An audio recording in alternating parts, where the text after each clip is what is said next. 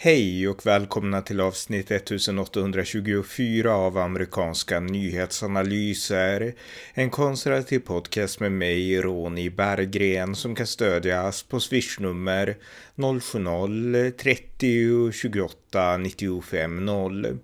Här följer en uppdatering om det senaste i USA tillsammans med min svensk-amerikanske kollega Björn Nordström från Arizona. Varmt välkomna! Björn Nordström, välkommen. Tack så mycket. Vi ska uppdatera lite om det senaste som hänt i USA, så att jag kör igång.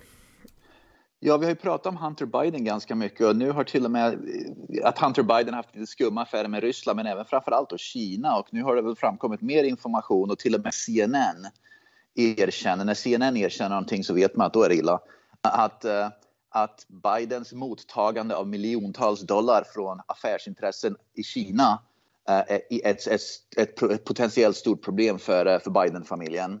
Så det här verkar vara en historia som kommer att utvecklas ännu mer nu. Som eh, jag tror att media har ignorerat väldigt mycket, framförallt vänsterliberal media. Men det finns tydligen ännu mer i den här historien än vad, vad vi först trodde. Mm. Och jag, jag, skulle inte bli helt förvånad om nu den republikanska styrda kongressen kommer att börja utreda även det här med kinesiska affärsintressen. Det handlar alltså om Hunter Biden han satt ju också för en ukrainsk, ukrainsk energifirma på styrelsen där. Hunter Biden har ju inte kunskap i någonting. Han är helt värdelös. Mm. Han är en riktig bum. Uh, men uh, det enda han duger till för, för utländska intressen det är då namnet Biden, hans pappa är då president och, i, och då vicepresident under Obama. Va? Så det är därför han utnyttjas för det där. Va? Och, det, och, han har, och Biden, Hunter Biden själv har ju tjänat massa pengar på, på sitt namn. Och det är väl det nu som jag hoppas kommer att framkomma allt mer och som jag hoppas till, liksom att, att republikanska kongressen kommer att börja granska och, och, utreda ännu mer. Därför att det här är ju, liksom när man börjar sälja ut sig till hade det varit till exempel Kanada, då hade jag väl inte varit lika oroad kanske. Men nu när det är Kina till exempel, då vet vi att Kina har ju inte direkt rent mjöl i påsen när det gäller sådana saker. Nej, nej verkligen. Ja, något annat? Jajamän. Delstaten North Carolina har, precis som Florida, jag nämnde det för någon podd sedan, ett par veckor sedan, delstaten North Carolina uh, har gjort en, en, en bild, en motion som uh, guvernören i North Carolina inte kommer att veta och som kommer att bestraffa upp, uh, våldsamma upplopp betydligt hårdare. Med andra ord, allt fler delstater uppgraderar på grund av det här våldsamma upploppen. Och det, var egentligen, det började väl egentligen på allvar under Black Lives Matter för typ två, tre år sedan. Du vet de här, när, de, när Black Lives Matter brände ner liksom halva städer ungefär. Va? Mm och så blir de bestraffade. Och får de, I USA är det ganska lätta straff, men för svenska förhållanden så är det ganska hårda straff. De får ju flera år i fängelse. Va? Men å andra sidan så delstater börjar tröttna på alla de här upploppen nu. Jag nämnde då vad som hände i Georgia för, för, för ett tag sedan när, då, vänster, när vänstern gav sig på den här nya träningsanläggningen för poliser och så vidare. Va? Att, att allt fler delstater inser att människor måste helt enkelt bestraffas hårdare för att begå våldsamma upplopp. Man måste helt enkelt stoppa det genom hårdare straff och North Carolina liksom Florida kommer att göra det och det kommer att sluta med att halva, halva USA, då, de republikanska delstater förmodligen kommer att ha hårdare straff och sen Oregon och New York och Kalifornien och så vidare. Liberala delstater kommer inte ha några straff alls. Det är så det kommer att bli. Va? Och så fortsätter den här splittringen mellan, mellan delstater. Hälften av, delstaterna är, vad ska man säga, satsa på, på medborgarnas trygghet och säkerhet och hälften struntar i det. Mm. De ska få egna privata vakter istället och bryr sig inte om de vanliga människorna. Ja, precis. Ja, mm. så splittringen i USA blir allt mer kraftig och allt mer, vad ska man säga, man märker den allt mer när, när, när sådana här saker görs. Vilka det, och det, det är liksom det som, som gör då att många som...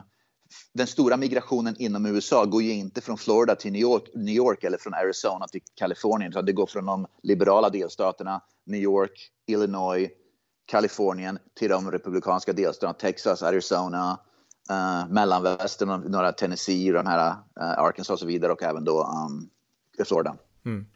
Ja, något annat? Ja, jag läste att um, Black Lives Matter, uh, att den här banken, du vet den här banken vi pratade om, mm. Silicon Valley Bank som, gick, som konkade på grund av att det var massa aktivism och så vidare, va? har donerat 70, donerade 73 miljoner dollar till Black Lives Matter-relaterade uh, aktivister. Och, det här, och jag, läste en, jag läste då, du vet det finns ju såna så kallade fact checkers, liberala fact checkers, de nekar till, men man ser också hur, hur, uh, hur uh, vad, vad, ska man säga, ohedliga liberala fact checkers Informationen som kom ut och, och det som skrevs i, i, i, Fox News och New York Post och några andra konservativa medier, de, de, de, de, de um, underströk att det är Black Lives Matter-relaterade grupper. Inte att det var Black Lives Matter i sig, utan det var grupper och aktivister som är, vad ska man säga, eh, på olika sätt kopplade till Black Lives Matter, men de är inte Black Lives Matter i sig. Just det. De stor skillnad. Det är liksom det här med, vad är det med, Aftonbladet är ju inte Socialdemokraterna, men vet att Aftonbladet stödjer Socialdemokraterna. Det är, ingen hemlighet. va? Men liberala fact-checkers gick ut och skrev att Fox News och, och, och New, York Times, eh, förlåt, New York Post och så vidare har fel. Banken gav inte alls bort 73 miljoner dollar till Black Lives Matter.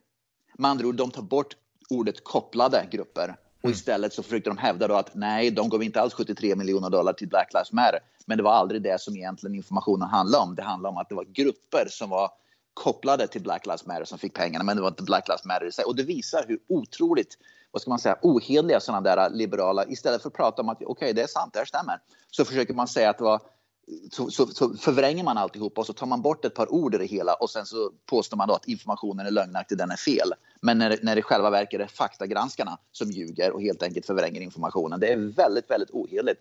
Och sen undrar då, det, amerikanska folket har mindre förtroende för media nu än någonsin. Mm. Och sen undrar precis samma media, precis samma faktagranskare, hur kommer det sig att, att det är så lågt förtroende för media? Ja, men det är när ni beter er så här som, som folk inte längre tror på amerikansk media naturligtvis. Om ni istället hade erkänt att ja, så här är fallet, då hade det varit okej. Okay, men nu när man försöker förvränga och vrida och vända på det och ljuga om det här istället för att, för, och, och, och för att få, få det att se ut som att de inte gav bort de där pengarna, ja då är det klart att folk inte litar på det längre. Va? Så vänsterliberal media har en oerhörd, vad som är förtroende, ett stort förtroendeproblem. Mm, verkligen, verkligen.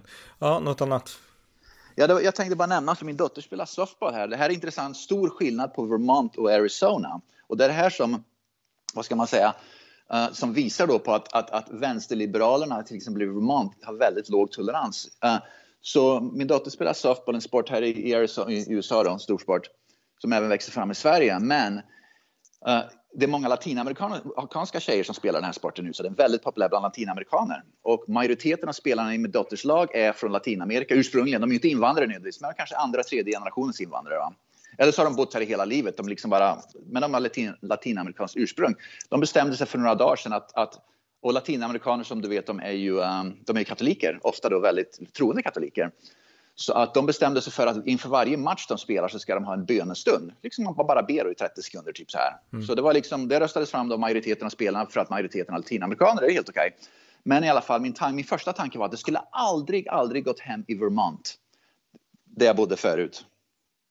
Och Därför att man skulle aldrig acceptera, man skulle se det som på något sätt, det är liksom nazism och rasism och fascism och allt sånt där. Men liksom hela det där köret omedelbart dras igång. Va? Mm. Istället för att acceptera, och vi har ju sett det på andra, i andra delstater med när det har varit bönestunder, då har man liksom, det har varit helt förkastat av den vita befolkningen.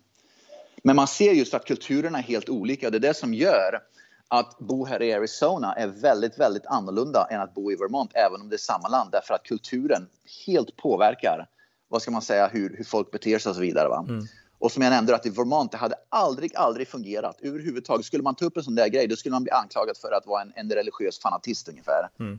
Och sen, sen kan sägas också att många latinos, de är ju också evangelikala kristna i USA. Många har blivit det, och liksom gått över från katolicismen till att bli evangelikala. Men det undrar jag det att, alltså även om de håller sådana här stunder, för det är de här sekulära lärarna i norra USA och även i Sverige, det de vill göra det är att säga att det här är intolerant, det är hemskt och det är förtryck ja, och så. Ja. Men, jag, men jag förmodar att din dotter, jag vet inte vad hon tror och så, men jag förmodar att hon upplever det som helt okej. Okay. Det är inga problem, antar jag. Absolut inga problem. Hon var helt okej. Okay. Det, är liksom, det är bara en del av verkligheten, att så är det bara. Man, får, man måste vara tolerant när människor så, när liksom en, grupp människor vill ha det på så viset och när det är liksom en, del av, en väldigt viktig del av människors kultur, vilket det är för latinamerikaner, punkt slut, då får man liksom ställa upp på det. Mm. Ja. ja, något annat? Ja, vi pratade just om den här banken uh, som, gick, som konkade. Mm. Jag tänkte också nämna att de hade, in, de hade massa aktivister anställda och var, som jag nämnde, av 12 stycken i styrelsen så var det bara en som hade någon form av bakgrund inom banken. Men resten var då liksom aktivister och kopplade till Obama och till Hillary Clinton och så vidare. Va? Det de saknade var att de hade ingen som kallas för en Chief uh, Risk uh, Manager. Med andra ord en person som är anställd för att helt enkelt utvärdera risker som de tar. Mm. De hade anställda styrelseledamöter som var aktivister och var woke, men de hade ingen person som var vad ska man säga, professionell för att, för att uh, utvärdera vilka risker bankerna tar, om de riskerna är värt att ta eller inte. Va? Och det normalt har banker därför att stora företag har också normalt sånt där därför att när de ska investera pengar då måste man ju då utvärdera risker och man ska analysera massa olika saker. Men de hade ingen sån. Och då inser man ju att den där banken var ett rent skämt alltså. Det var en aktivistbank, så är det ju bara. Och sen så konkar ju den och den ställer ju till en massa problem. Mm. Det har jag hört också, jag har läst lite grann, det är att förr i världen så var det jättevanligt att bankerna spejade på varandra för att kolla hur stark den banken för att man lånade mycket av varandra. Men nu för tiden är det inte så, så bankerna lånar inte pengar av varandra och det gör att bankerna har väldigt, de är inte intresserade längre av att ha koll på andra banker. Och det gör att man som sparare till exempel i en bank, eh, i alla fall i USA, är mycket mer i händerna på just den banken därför att man måste själv ja. liksom göra egna bedömningar av banken. Man kan inte gå till liksom något objektivt institut och titta på det här är en bra bank på samma sätt som man kunde förr. Och det här har gått många förbi att det är så. Men, men idag, eftersom bankerna inte lånar varandra längre, eh, så liksom har man inte, det finns inte det här fågelperspektivet på bankerna längre, hörde jag. Och det, jag tyckte det var intressant bara. Ja, okej. Okay. En sak som håller på att växa fram, det har alltid funnits i USA i många, många år, men som blir allt mer populärt, är så kallade credit unions. Och det är en form av bank som är, har mer översikt, som samarbetar mer med de federala myndigheterna, som har mer översikt. Och där pengarna i bankerna är mer skyddade av de federala myndigheterna. De blir allt mer populära, speciellt efter bankkrasch, när, när huskraschen var för några år sedan. Och även nu, att folk börjar övergå allt mer till sådana där. Och de är ofta mer rotade i, vad ska man säga, de är mindre rotade i att investera på olika, vad ska man säga, på olika oansvariga sätt och mer investerade helt, helt enkelt i, i, sin, i verksamheten att helt enkelt vara en, var en, en bank för, för liksom människor. Mm. Så man ser att, att den typ så att den, vanliga banker som, som, här, som den här Silicon Valley Bank och så vidare va, eh, tror jag kommer att bli allt, får allt svårare att få kunder. De kommer att tappa kunder och allt fler kommer att gå till så kallade credit unions. Mm. Därför att credit unions är mer, vad ska man, de är mer hedliga, de har mer integritet, de är mer hedliga och deras bylaws, deras, vad säga, de, måste, de får liksom inte hålla på och bolla med, med kundernas pengar kors och tvärs och hur som helst. Därför att det, de, har betyd, de, är mer, de har mer översikt från federala myndigheterna att agera på, på, liksom, på ett mer vad ska man säga, konservativt traditionellt sätt för att inte bränna massa pengar på galna investeringar. Mm, just det. Ja, vi fortsätter. nog mer? Jajamän, i New York så haffade polisen en person som hade planerat att göra en, en IS-person, en IS-terrorist. Blev haffad i New York nu under St. Patrick's Day. Det var väl i fredags tror jag St. Patrick's Day var. I alla fall, de, de arresterade i alla fall en person kopplad till IS som var på väg att göra ett, eh, en terrorattack i New York. Hans, hans mål var att skjuta ihjäl en massa poliser. Mm. Men han lyckades bli haffad innan han, han gjorde det i alla fall. Nu får han väl säkert ett långt fängelsestraff men att IS planerar saker här i USA eller al-Qaida eller vad det nu är, terrorismen, det, även om det inte har skett någon stor terroristdåd på länge här i USA så man liksom, när man läser sånt här så det, man får inte glömma bort att de grupperna fortfarande håller på att planera sina saker så man får liksom inte glömma bort dem. Även det som, på, när, när liksom det som pågår i Ukraina med Ryssland och Kina och liksom, inbörd, liksom inbördeskriget mellan part, politiska partier här i USA pågår. Terrorrisken är fortfarande stor här i USA, tyvärr. Mm, mm. Ja, eh, något annat? Kamala Harris, hon är inte speciellt populär hos den svarta befolkningen ens. Hon, gick, hon pluggade då när, hon var, ja, när det begav sig. Då. Hon pluggade på ett universitet i USA som heter Howard University. Och det är ett universitet framförallt för svarta. Det är väl 99% svarta som pluggar där. Det, man kallar det för Howard University, är då, vad ska man säga, Harvard för svarta. Det är liksom det finaste universitetet som svarta studenter går på. Mm. Och, och så, hon i alla fall gick dit under en uh, basketmatch för att titta på Howard spela basket. Men hon blev, sen blev då introducerad för, ja, liksom, här är Kamala Harris, vicepresidenten då, skulle, skulle, då, blev hon introducerad då för publiken. Men det blev enorma burop från läktarna. Och det var alltså då 99% svarta som sitter på läktarna. Mm. Så inte ens den svarta befolkningen är speciellt nöjd med Kamala Harris längre. ja, det var intressant. Och det säger en hel del. Det säger en hel del. Men det säger också väldigt mycket om att svarta personer i grund och botten inte alls är lika hudfärgsfixerade som den här vita eliten som alltid pratar om rasism och allt det där. Va? Mm. Utan svarta personer, jag pratade med min dotter om det här för bara ett par dagar sedan och frågade hur det var på hennes skola. Hon sa att svarta latinamerikaner, de bryr sig inte alls om hud. Vi pratar aldrig om sånt. Det är liksom, vi är kompisar, vi skiter i sånt där. Va? Vi är bara trötta på det där. De har precis samma problem som alla andra. Inflationen, arbetslöshet, jobb, ekonomin och så vidare. och så vidare. Va? Det är det de snackar om. De snackar inte om... Så jag tror, och det är det som gör att, att Kamala Harris blir utbuad. Att, att hon har fortfarande inte lyckats begripa, men det, att hon är vicepresident nu. Hon har fortfarande inte lyckats begripa att vanliga svarta familjer har precis samma problem som vita, som latinamerikaner, som asiater och så vidare. Och det är det som det ska fokuseras på. Och det är det som svarta tror jag visar sitt missnöje på. Att hon begriper inte att, att vanliga svarta familjer helt enkelt um, har vanliga liksom, problem att det inte alls hudfärg de vill ha på tjafsa om konstant, utan det är helt enkelt vanliga vardagsproblem. Och vi nämnde ju då en, en podd för ett tag sedan vilka ämnen som svarta familjer såg var de absolut viktigaste. Och rasism var ju inte i topp fem. Det är de här gamla vanliga ämnena. Det är ekonomin, det är inflationen nu. Till och med äh, äh, illegal invandring bland svarta ansåg de var ett väldigt stort problem och så vidare. Va? Så att den här vita eliten som håller på bara gapar om rasism och rasism har helt enkelt helt riktar sin, sin problembild helt felaktigt. Mm. Och alltså Kamala Harris hon är ett skämt. Alltså jag såg någon video, det kanske var på det här universitetet, alltså de stod in och pratade med något sportlag, alltså som hade förlorat. Eh, och eh, jag ska googla, jag ska som hitta det här. Det, var... det kan ha varit det. det, är mycket, det, ha, ha, Howard loses, nu ska jag säga nu. Ja, just det, just det. Kamala Harris consoles Howard after NCAA tournament loss. Och så, men i alla fall saken är den att hon står i ett omklädningsrum och så försöker hon prata och ni har förlorat och du vet hur hon är liksom. Alltså det är ju så ja, fånigt ja, att det, alltså det är ju, ja, alltså hon är noll själv, självinsikt alltså.